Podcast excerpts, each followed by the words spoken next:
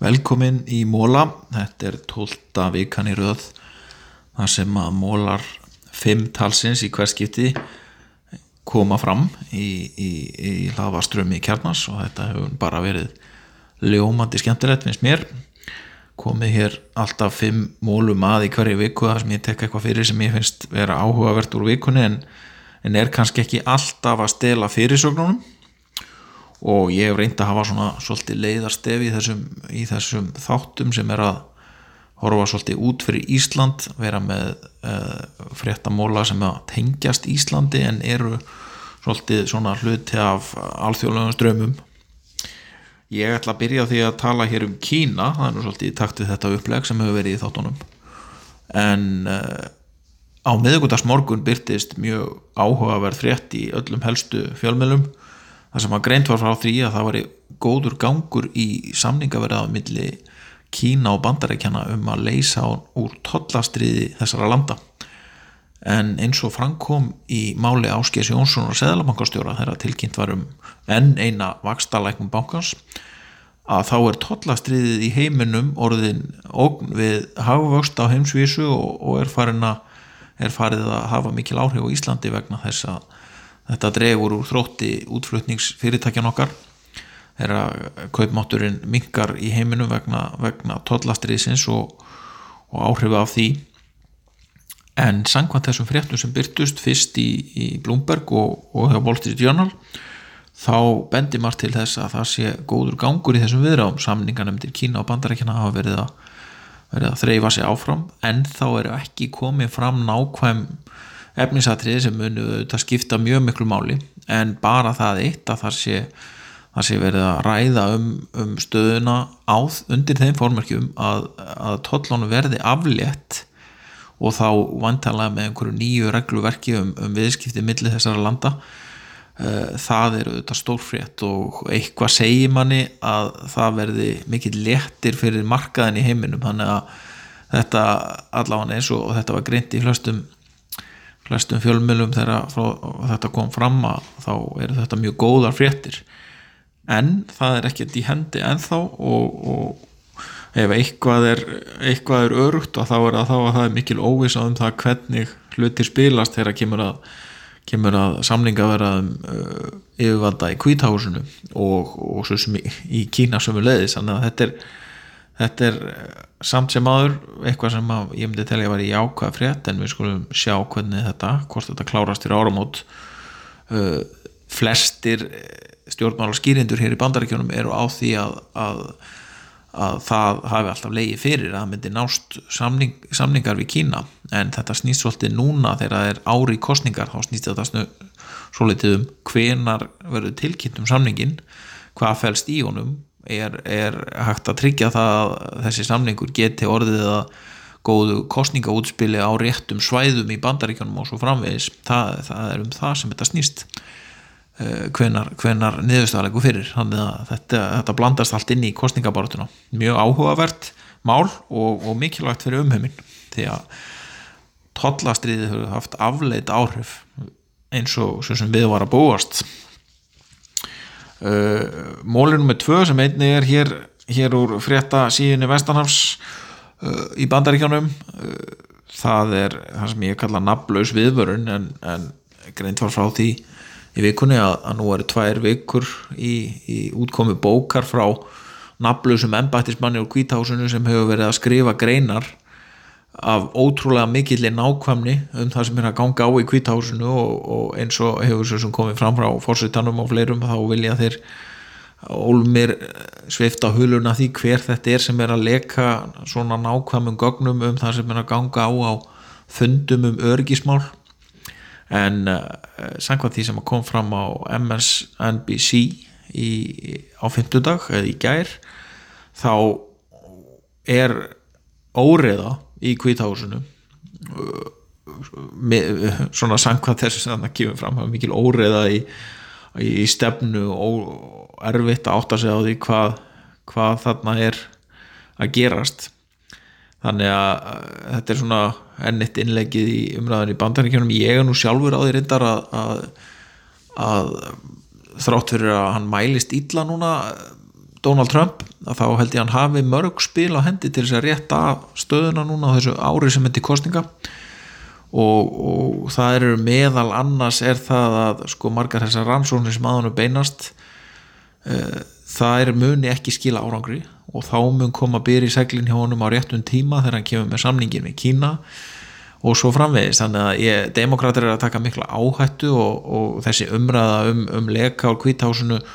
er, er ekki að rista neitt rosalega sko í, í fylgi við að verist eh, flestir skýrindur og samála um það að þetta sé, þetta sé ekki endilega neitt óþægilegt fyrir fórsittan því, því að það hefur alltaf verið alltaf verið einhverju skandalar í gangi í kringum hann og það verist ekki býta mikið á á almennis áliti sko, gagvart húnu sjálfu. Finnst engum máli skipta hvað hann segir eða gerir eða þess áttar þannig að þetta er, þetta er rauninni bara svona uh, skemmtilegt útspil inn í spennandi ár sem er framöndan í, í, í kostningum hér í bandaríkjum og kostninga ár framöndan, mjög áhugavert og, og svona spennandi að fylgjast með því hvort að einhverju leikar í kvításunum muni halda áfram að valda östla síðan er það þriðjimólin sem er hér skrifaður hjá mér sem Whole Foods í minnisbókinu mína góðu en uh, í vikunni kom fram samantækt sem ég vann sjálfur hér í, á síðalsvæðinu um Amazon og Whole Foods. Ég hef verið að nördast í þessu í svo litin tíma og tók saman fróðulegsmála og upplýsingar um Amazon markaðin og matfala markaðin sem er innan Amazon eftir að sérstaklega eftir að Amazon kifti Whole Foods. Þá, þá er uh, búið að tengja gæðakerfi og staðala Whole Foods við Amazon og þetta er orðið mjög mjög magnað fyrirbæri. Og, og stór markaður fyrir matfali sem að Íslensk fyrirtæki hafa ekki mikinn notað en, en við eigum þó árangursögur eins og ég hef minnst á áður hér í, í, í mólum. Þannig að ég hvet eitthvað til þess að kynna ykkur þetta. Það er aðgengilegt á vefnum hjá okkur á kjarnanum og áskrifundur vísbendingar fengu þetta sendt fá þetta sendt í dag í tölvupústi þeir sem eru rafrænt áskrifendur þannig að þetta er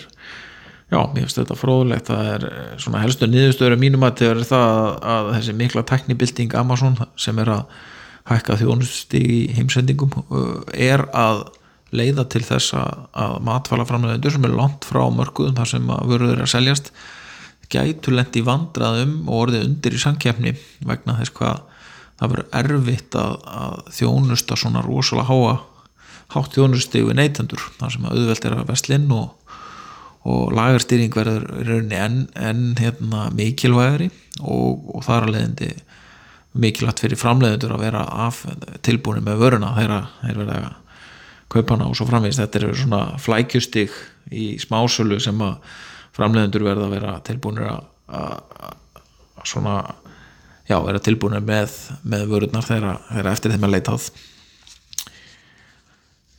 síðan er það mólið nummer fjögur sem að ég skýri hér loftbrýr nær og fjær. En ég hef talað svolítið mikið um loftbrýr í þessum þáttum hjá mér.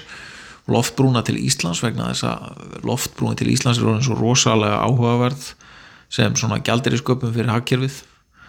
En gjaldirinn sem að flæðir frá ferðamönu til landsins er það, það sem að er einna mikilvægast það sem er í gangi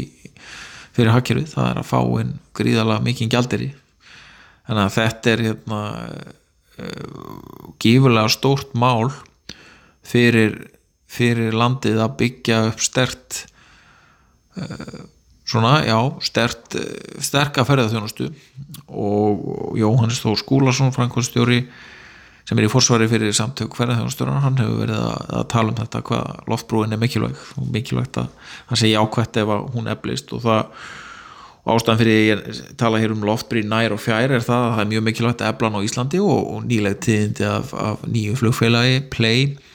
eru ánægileg en það hefur ekki ennþá samt lokið fjármögnun og, og svona vonum það besta að það geti komið fram með þjónustu sem, er, sem er heldur velli og verður vel tekið og rekstur gangi vel en það er ekki hendi en þá og síðan er það í rauninni eh, loftbrýr ég nefni hérna til gamast til dæmis Hawaii sem er hér mjög svona á allt undir túrismu miljónir manna heimsækja þessa eigu sem er lengst frá flestum svæðum. Og hún er stór glæsileg eins og Ísland eldfjalla eiga og, og stórkostlega náttúra. En þar, þar er eins gott að fluggangi vel. Og uh, ég las greiningu ekki fyrir svo löngu þar sem að yfirvöld hafa sett í það markmið að, að byggja upp enn betri stóðir fyrir, fyrir flug til og frá Hawaii og þar hefur allt verið að springa allt og allt vandar að styrkja þjónustuna. Hann er að það er svona dæmi um, um eigu sem á allt undir túrismæ eins og Ísland. Þannig að það er vonandi að takist að byggja upp uh, stert flug á nýjalega eftir fallváer því að það veitir ekki af. Síðan er fymti mólin hér sem að ég hef reynda gert að umtalsefni áður sem er hins svonemdi bankaskattur. Það er búið að vera mikil umræð um hann. En uh, hann er mjög umdeldur og það má segja að þessi samhljóma álit innan bankakerfisins á Íslandi að hann sé afleitur og sé að valda því að heimil og fyrirtæki fá ekki, fá ekki notið lækandi vaksta og í rauninni sé bankaskatturinn bara á heimil og fyrirtæki en ekki á banka og, og, og ríkisjóði þurfum við að afnema þannig að það er sem komið fram hjá Bjarnabenn fjármála efnarsáðra, hann vil afnema þetta í skrefum. En það er í skrefum og nú er kallað eftir því er, er, er skynsalegt að halda þessum skatti sem svo sem gefur miljard á ári í ríkisjóð en, en hann er líka á fyrirtæki sem er eigur ríkisins þannig að þetta er það er svona spurning hvort það er betra að peningarnir renni til heimila á fyrirtæki og þannig í gegnum laun og, og meiri kaupmátt til ríkisins og beint eða bara beint í ríkiskassan frá bunkunum af því að Íslenska ríki ánu 80% af bankjörunum þannig að þetta er svona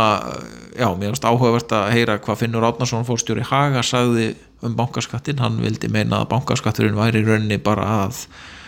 að, að færa bankan, að eidilegja sankjörnsamli bankana, þeir fyrirtæki gæti ekkit farið í banka og fengið góð kjör, það væri bara ekkit í bóði og Hagar gerðu þetta væri dæmi um þetta, hann tók dæmi á því að þeirra í rauninni ekki geta fengið lán í banka á þeirra kjörum sem þeir vildu, þannig að það var ráðist í skuldabrúðbúð í staðinn þannig að þetta er hérna þetta verður öruglega umdelt í vettur því að það er, það er aðeins harna, harnandi efnaðarstaða og, og ef ekki tekst að örfa fjárfstingu hún hefur verið að falla eins og stein það sé nýjustu hagtöru sína það. Nýju útlán er að falla 30% milla ára og, og að fjárfstingar ekki nægilega mikil þannig að þarf í rauninni eitthvað að gera einhver meiri hagraðin þegar að vera í böngunum gæti verið líka, það gæti líka verið. Það, það, það sé ekki öll körl komið til gravarinn hvað það var þar þannig að þetta er bara verulega áhugavert og, og hérna verður fylg, gaman að fylgjast með deilum um bankaskattin þó að það hljómin og ekki eins og skemmti efni þá er þetta samt sem að mjög mikilvægt mál fyrir heimil og fyrirtæki því að, að lækandi vextir hafa ekki verið að skila sér til heimil og fyrirtæki það er, það er að mörguleiti áhengjumál fyrir fyrir, fyrir land og þjóð. Þannig að já, þessir mólar eru tæmdir að sinni. Þessir fimm mólar sem ég hafa með í dag Kína, Nablaus, Viðvörun Whole Foods, Loftbrýr, Nær og Fjær og Bankaskatturinn. Ég verð hér með móla aftur eftir viku, takk. Takk fyrir að hlusta á hlaðavarp Kjarnans. Þú getur sótt fleiri þætti um allt millir heimins og jarðar á vefnum kjarnin.is